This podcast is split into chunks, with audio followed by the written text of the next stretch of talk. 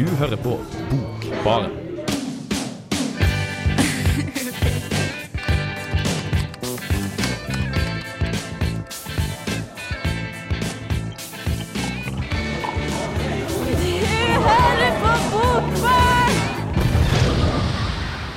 Det gjør du så absolutt, selv om det er på hengende håret hver gang at vi kommer oss inn i studio til åpningskommentaren.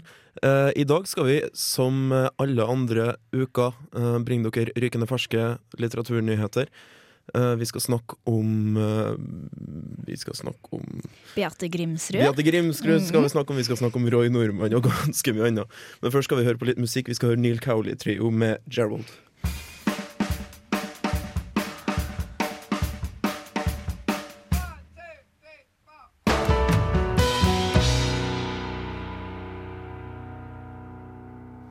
Ja, det var Neil Cowley-trio med Gerald. Uh, en en finfin fin liten jazztrudelutt, om jeg så skal si det selv. Vi sitter her i studio og snakker om litteratur, for det er jo det vi gjør i Bokbaren. Jeg heter Martin Ingebrigtsen, jeg sitter her sammen med Kristine Fredriksen. Hei, hei. Hei. Og Eline Vergan. Hallo. Har dere det fint? Ja, Vi har Det det veldig fint. Uh, Dere har med dere bøker i dag. Uh, Den ene er tynn og blå, Kristine. Hva Ja. heter den? Det er 'Det blinde punktet' av Jon Olav Sørhaug. Det er hans andre diktsamling. Det er en diktsamling. Ja. Det er derfor den er så tynn også. Ja, Det er ikke for at jeg har latt. Litt tjukkere bok eh, borte hos deg, Line. Hva er det her? Det er Beate Grimsrud sin En dårefri.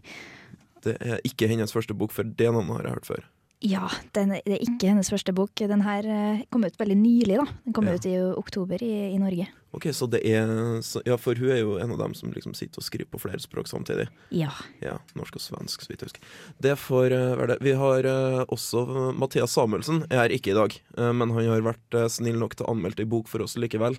Og vi skal høre litt på hva han synes om reseptor av Roy Nordmann. Men først skal vi høre på Tom Waits med 'Tango Till They're Sore'.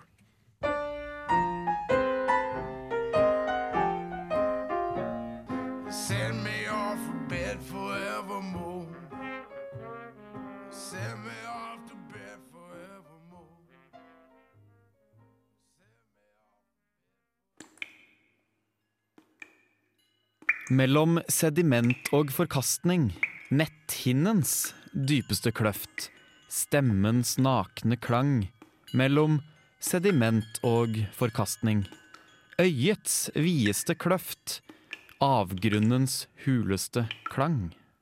Roy Nordmanns diktbok 'Reseptor' beskriver passivitet og deltakelse på en og samme tid. Kroppen har tilsynelatende mista sine grenser, og den er ikke lenger avgrensa til personlig erfaring, den reagerer med alt. Kroppen i de her diktene er kun en reseptor. Denne boka spiller på allmenngyldighet. Menneskekroppen, eller dyrekroppen for den del, er en maskin for å motta, men på tross av sitt store nedslagsfelt er boka begrensa. Og det er trist, for jeg tror at denne stemmen kun har fortalt meg noe. Setningene kuttes av. Korte, liksomvitenskapelige fraser slenges ut og avsluttes aldri. Man sitter og venter på at en fortsettelse skal komme. En stemme grøtet av jord, en stemme grøtet av jord fallende bløtt. En stemme grøtet av jord, av sand og partikler. En stemme langt inne i utviskningen og sløretheten. En stemme grøtet av jord og sand. Druknende sand. En stemme grøtet av jord. Et fall i belysningen, og øyet kan ikke lenger skilles fra mørket. Et fall i belysningen, og skyggene kan ikke lenger skjelnes fra terrenget. Et fall i belysningen, og øyet kan ikke lenger skilles fra verden. På et avsondret sted, som i en grotte under jordoverflaten, vil kroppens regulering av døgnrytmen langsomt endres. Etter en tid i isolasjon vil menneskene ha tilpasset seg en 25 timers døgnrytme. Oppfattelsen av et faresignal, som en mild prikking mot armen. Det gjelder å manøvrere seg gjennom systemet av blindveier, korridorer.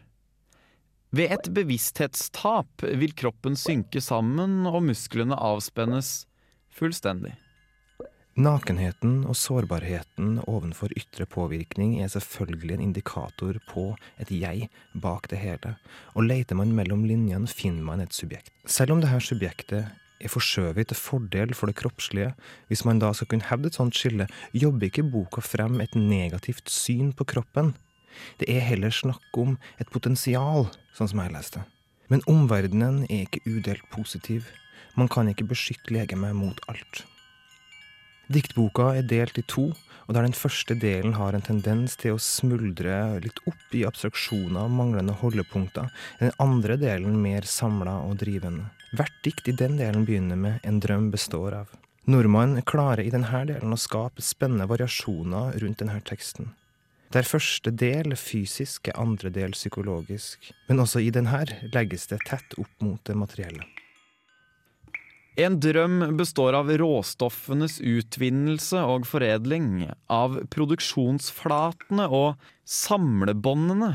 En drøm består av gjenstandenes eksakte kopiering. En drøm består av damp som stiger opp fra grunnfjellene.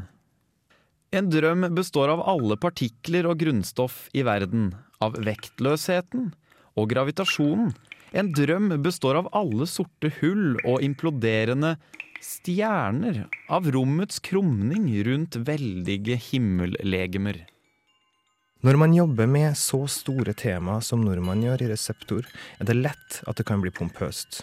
Og det blir det også til tida. Men han er dyktig til å sjonglere med bildene, og han klarer å balansere det her på en sånn måte at det virker naturlig. Det her er en fascinerende bok, men jeg lurer på om den ikke krever litt for mye.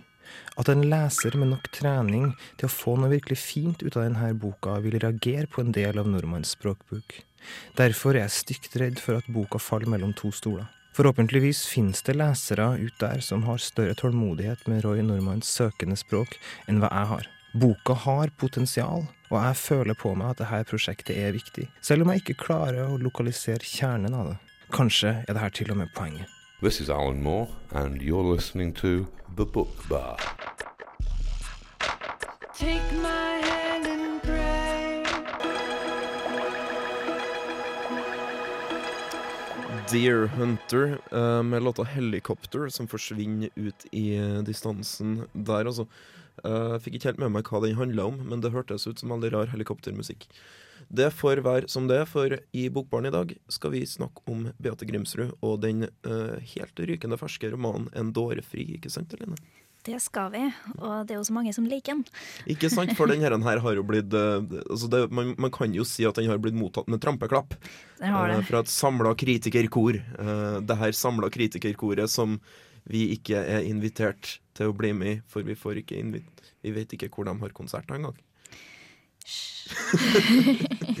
Uansett, eh, det er snakk om en, eh, en kvinnelig norsk forfatter. Eh, ønsker du å ha trykk på, selv om hun skriver på svensk og bor i Sverige og er svensk forfatter, så er hun norsk forfatter. Hun er norsk. Vi er må arrestere dem litt på det, for at de er veldig glad i å si at hun er svensk, nemlig.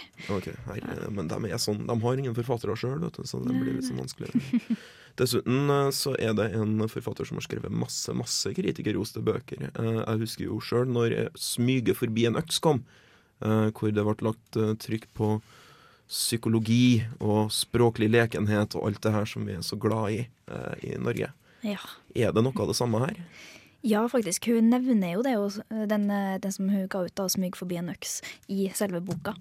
Mm. For hovedpersonen gir ut de samme bøkene som hun gjør, nemlig. Det er litt mystisk, da.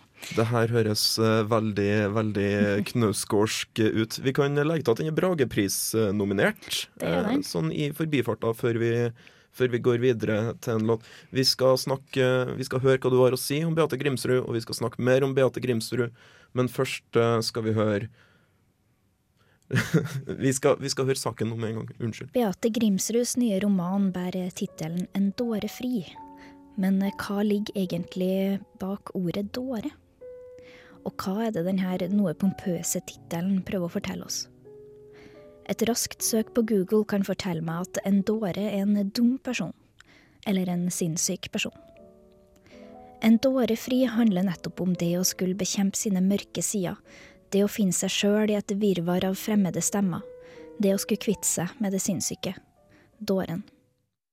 Gal kommer av å gal som en hane. Det betyr ikke at man ikke er riktig klok. Det betyr å prate annerledes. Det er den talentfulle forfatteren og filmskaperen Eli Larsen som prater annerledes, og som strever for å bli kvitt dåren ved seg sjøl. Samtidig som vi følger Eli som voksen, får vi også historier fra barndommen hennes, der småguttene Espen, Emil, Erik og senere også den eksentriske prins Eugène dukker opp. Dette er stemmer som Eli deler kropp med, og som hun holder på som en hemmelighet, helt til hun i 20-årsalderen blir psykotisk og stemmene også overtar kroppen hennes og handlingene hennes. Vi følger Eli inn og ut av institusjoner der hun noen ganger holdes tvangsinnlagt, blir lagt i belteseng og medisinert så voldsomt at kroppen stivner som en bieffekt. Endelig fengsel, endelig bundet fast. En smerte i en annen smerte i en annen smerte. Kropp etter kropp, som ei russisk dukke. Den ultimate straffen, låste dører og vinduer, låste hender og føtter. Bare den innerste dukka går det ikke an å åpne. Prøv noen å spise på den, får de bare vondt i tennene. Alt som er meg, må trenges sammen i den lille dukka for å overleve. Det er det her jeg frykter. Vi får også innblikk i legens journaler. I dagens samtale forteller hun at Eli ikke har kommet ennå. Eli har det likevel bra. Det er Erik som snakker. Hun plages av at det er et høl i høyre tinning. Erik, prins Eguen, Emil og Espen, og den som står over og styrer stemmene, har da mulighet til å oppfatte tankene hennes.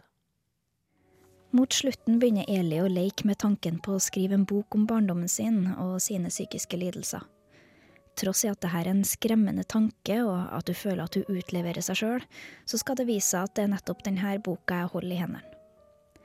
Dette gir karakteren enda mer dybde, noe som det ikke mangla fra starten av, da barndomsskildringene og beskrivelsene av sinnslidelsene er så overbevisende og troverdig at man skulle tro det var sjølopplevd.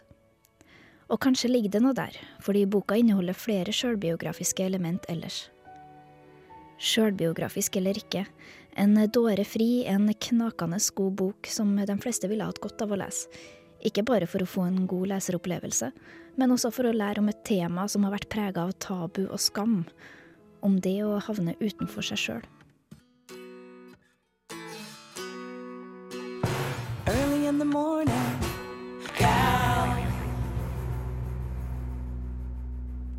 Det her var Charming Hostess med Early in the Morning. Eh, før det så hørte vi Eline snakke om eh, Beate Grimsrud sin siste roman En dåre fri, og nå skal vi høre litt mer om det her, Eline. Ja, vi må snakke litt mer om akkurat den. Ja. Jeg syns jo det som kommer frem mest her, er om det er sjølbiografisk eller ikke.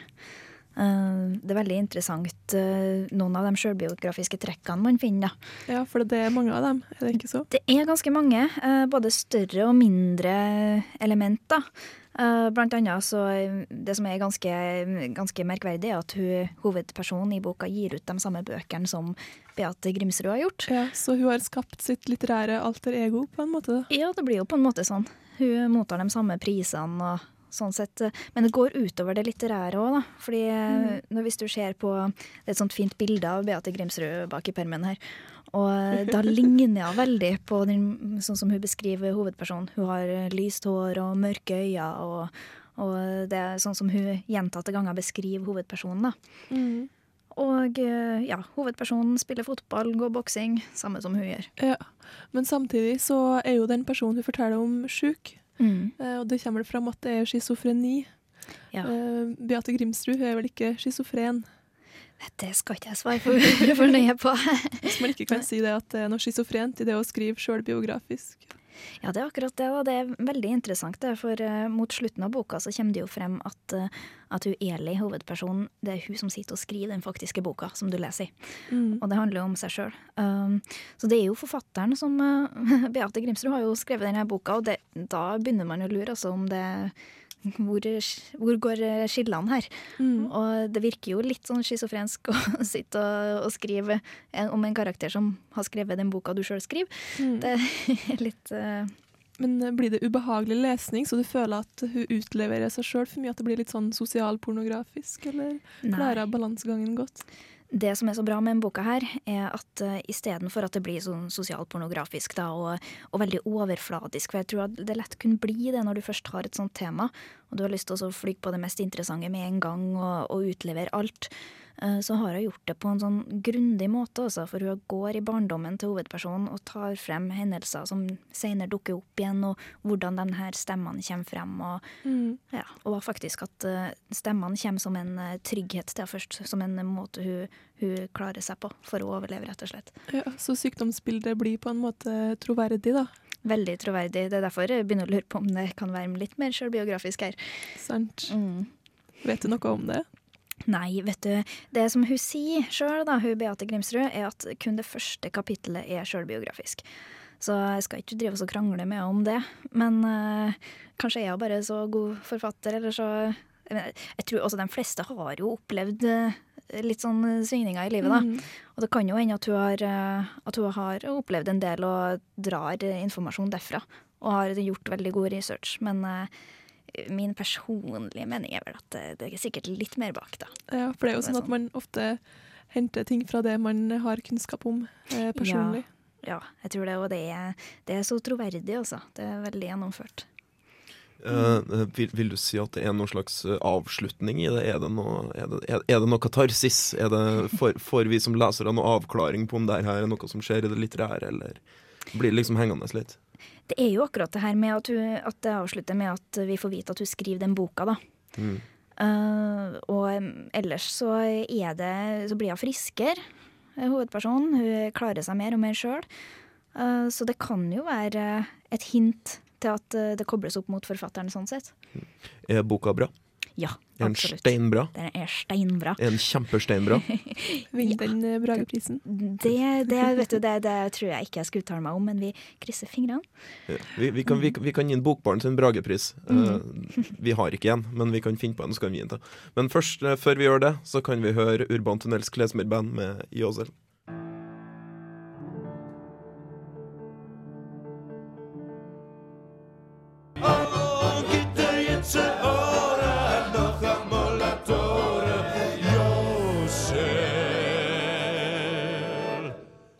Urban Tunnels eh, klesmerband med Jåsel. Det er altså, hvis jeg ikke tar helt feil, faktisk et uh, trønderband. Merkelig som det kan høres ut. Det passer fint, for nå skal vi snakke om en uh, trønderpoet. Det var det jeg tenkte, jeg også. Ja. Uh, hva han heter uh, Jon Olav Sørhaug. Ja. Født 1981. Ja. Og den vanskelige andre boka. Ja. Hva het den første, og likte folk den? Det, den første boka hans het eh, 'Du finnes i bølgene', og det er også dikt. Den er fra 2007. Høres jo ganske, ganske fint ut. Du finnes i bølgene. Ja, det er... Det er litt liksom du når inn til minsta bølge. det er ikke helt sånn, da. For helt det, sånn. det handler om, eh, om døden, vil jeg si. Eh, Og det er noe som kommer fram i andre boka også. Ja, det er et revolusjonerende lyrisk grep å skrive om døden. Ja. Ikke sant? Men uh, ikke la mine, min, min kyniske forhåndskritikk av Jan Olav Sørhaug, eh, Sørhaug eh, stå for fasit. Nei, for den ble veldig godt likt, første boka, og andre boka syns jeg også er bra, altså. Det, det skal vi bare ta oss og høre litt på hva du har sagt om den, Kristine. Det er her du begynner. Mens jeg skriver det her, er jeg ennå whiskyfull. Flytter hånda nervøst over arket. Utafor motellet blinker neonlysene. Det er snart kveld, og endelig kjenner jeg kroppen bli rolig. Det er stille som hos Jesus. Du ligger med ryggen mot meg, det mørke håret mot lakenet, den hvite hånda som langsomt råtner og blir til jord. Jon Olav Sørhaugs andre diktsamling, Det blinde punktet, innledes med en del bestående av korte dikt og tekster, og et par små dramatekster. Med utgangspunkt i Han og Ho fortelles det om korte møter, med blaff av nærhet og erotikk. Overhengende er døden, med dens forråtnelse, og oppstillingene blir kontrastfylt og sterk. Det er tydelig at Sørhaug er inspirert av Jon Fosse, men dramatekstene her er ikke like tilknappa, og personene ikke like konfliktsky. Morgen i Paris. Hva slags fortelling er det her? Hva slags musikk er det som plutselig kan slå om til et hat og et ønske om å dø? Jeg skjønner det ikke. Jeg ser bare lyset som renner fra håret ditt når du reiser deg opp fra elva og står der midt i ørkenen. Ingen kan kjenne deg, ingen kan elske deg. Engler og demoner rører deg ikke. Ei kvinnes monolog utgjør andre del. Lyset går opp på scenen, og hun holder fram ei bok foran seg. Hun snakker om lyset og mørket, livet og døden. Savnet og tomheten etter noen som er borte. Med korte sidetekster og fragmenterte replikker uten tegnsetting får teksten en flyt og en inderlighet. Til slutt står hun ved et badekar, og lyset går ned. Den blå porten. Er du våken nå? Jeg gav deg noe, så du skulle sove. Hvor er jeg? Det var ikke her jeg skulle være. Jeg var heime en tur medan du sov. Det er sol ute. En så fin dag. Det blir tegna et avtrykk av en fars liv gjennom dikt og dramatekster. Faren blir tatt hånd om av ei datter, og de venter på døden sammen. Et gammelt forblåst hus er forlatt, og på ei klessnor henger restene av en kjole og blafrer i vinden. Hva snakker man om de siste timene? Sovepiller og tilgivelse og sand i vinden. Lys opp. 9. januar. Klokka er fem over halv åtte om morgenen. Lukta av salt og såpe, og ei lita blå hand som plutselig åpner seg. Grip etter luft. Pulsen som farger ansiktet. Langsomt rosa. Sekund for sekund blir rommet varmere. Utenfor bygningen har nedsmeltinga begynt. Et nyfødt barn skrik. Endelig. Avslutningsvis, eller innledningsvis, kommer et nytt livs begynnelse. En fødsel beskrives. Nærhet, varme, hud, melk, puls og pust. I speilinga fra vinduet er vi enda konkret, og regnet er fjernere. Jon Olav Sørhaugs andre diktsamling er velkomponert og utrolig gjennomarbeida. Formen er god og flytende, på frie vers. Kombinasjonen av dikt og iscenesettelse passer godt, og dramaet bryter opp i boka, som ellers kanskje hadde blitt for massiv og tung. Samlinga veksler mellom streng beherskelse og frustrerte utbrudd. Det er godt og ikke monotont. Bildebruken er fin, men til tider litt for tradisjonell. Sånn blir samlinga på kanten til for sentimental. Den kan bli litt for uttalt og tydelig, og det er for lite som blir hengende i lufta, og for mye som blir forklart. Likevel, det er vakkert og trist på samme gang. Det handler om fødselen og døden, og litt om det som er imellom. Savn, ensomhet, sorg og undring, og hva det er som mangler i tilværelsen som menneske. Det her finnes i Det blinde punktet av Jon Olav Sørhaug.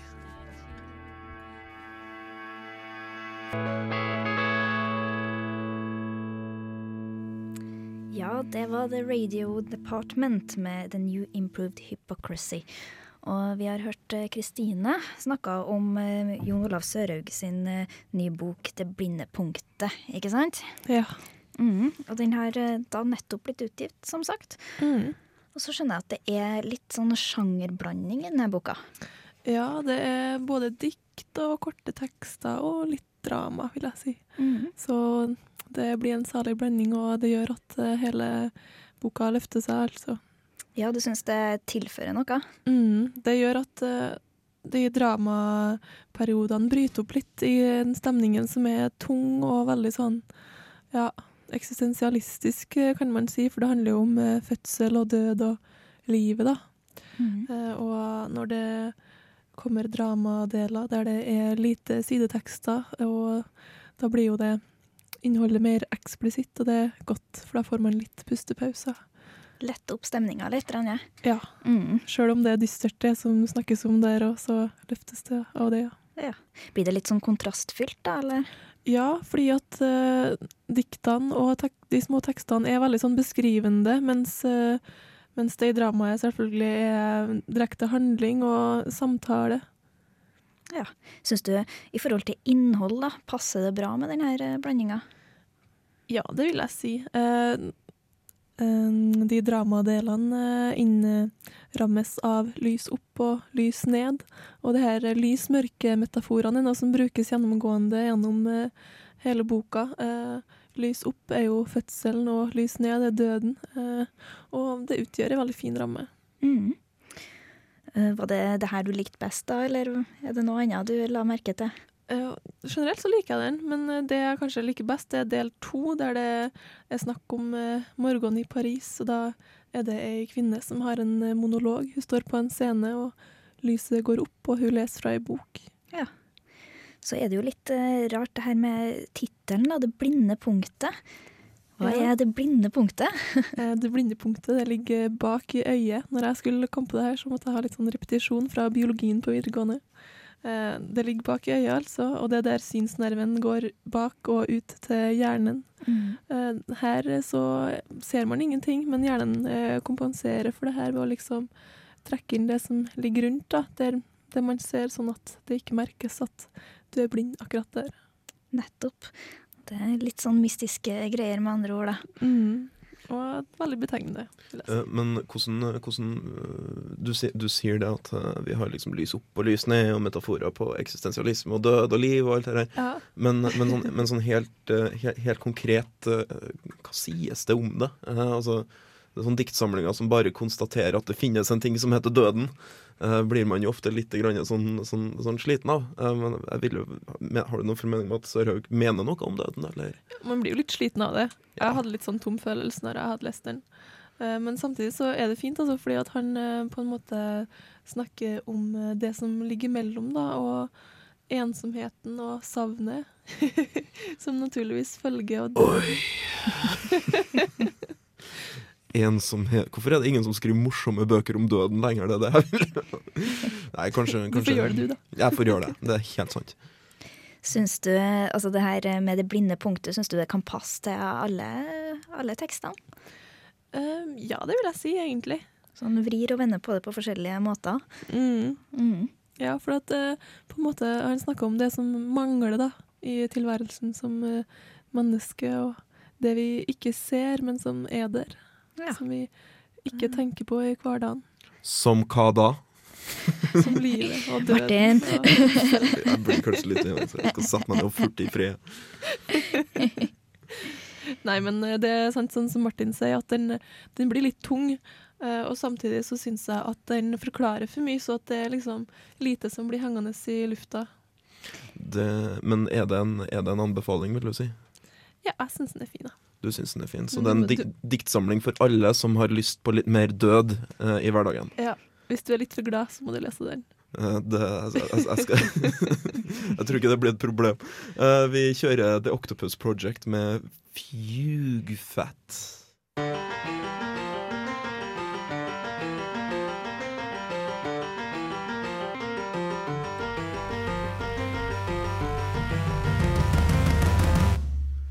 Sånn avslutta Octopus Project eh, sin usedvanlig vanskelig å uttale låttittel Fugue Fat, eh, eller hva man skal kalle det. Dere får sjekket ut på nettsidene, jeg vet ikke, hvis dere er interessert. Uansett, Bokbaren nærmer seg slutten. Eh, vi har hatt uh, vår tilmålte time, og vi har brukt den vil jeg til å snakke ganske eksemplarisk og flott om, om litteratur og sånn. Uh, ja, Mathias Samuelsen var ikke her selv, men hans eh, spøkelse Jeg snakka om, eh, om Roy Nordmann sin nye diktsamling 'Reseptor'. Kristine, du snakka nettopp om Jan Olav Sørhaug. Ja, det er også en uh, trønderpoet, sånn som eh, Roy Nordmann. Ja. Du hørte kanskje på Mathias sin sak, du jeg gjorde ikke det. Så jeg fikk ikke Jeg med gjorde meg faktisk noe. det. ja. Jøss, det er trønderpoetene, altså. Ja. Eline, du snakka om Beate Grimsrud. Ja. Eh, ønsker lykke til på ferden mot, mot Bragepris osv. Det er riktig. Vi kan jo se, kanskje hvis vi gir av Brageprisen at svenskene skjønner at det er norsk. Det kan godt hende. vet du. Jeg tror det, det ville ha vært verdt det. Bare det. Ellers så blir de bare enda mer hovne og blir rått. Ja, men jeg ser for meg, jeg kan jo faktisk se for meg et sånn hypotetisk sånn priskappløp Ja. eh, mellom Sverige og Norge om Beate Grimsrud. Så den som liksom gir av flest priser, Mm. vinner. Den vinner hennes kjærlighet og Ja, og, alt. Ja. og der gravlegges hun! Det, det høres ut som en, som, som, som en brukbar hypotese. Eh, Bokbarn er, som jeg sa i sted, ferdig. Eh, jeg vil gjerne minne deg, kjære lytter, om at du kan høre Bokbarn igjen. Veldig ofte på Radio Revolt. Vi går hele tida. Ellers eh, så kan du bare laste ned podkasten vår fra iTunes. Det oppdateres hver eneste uke, så legger vi ut en ny en.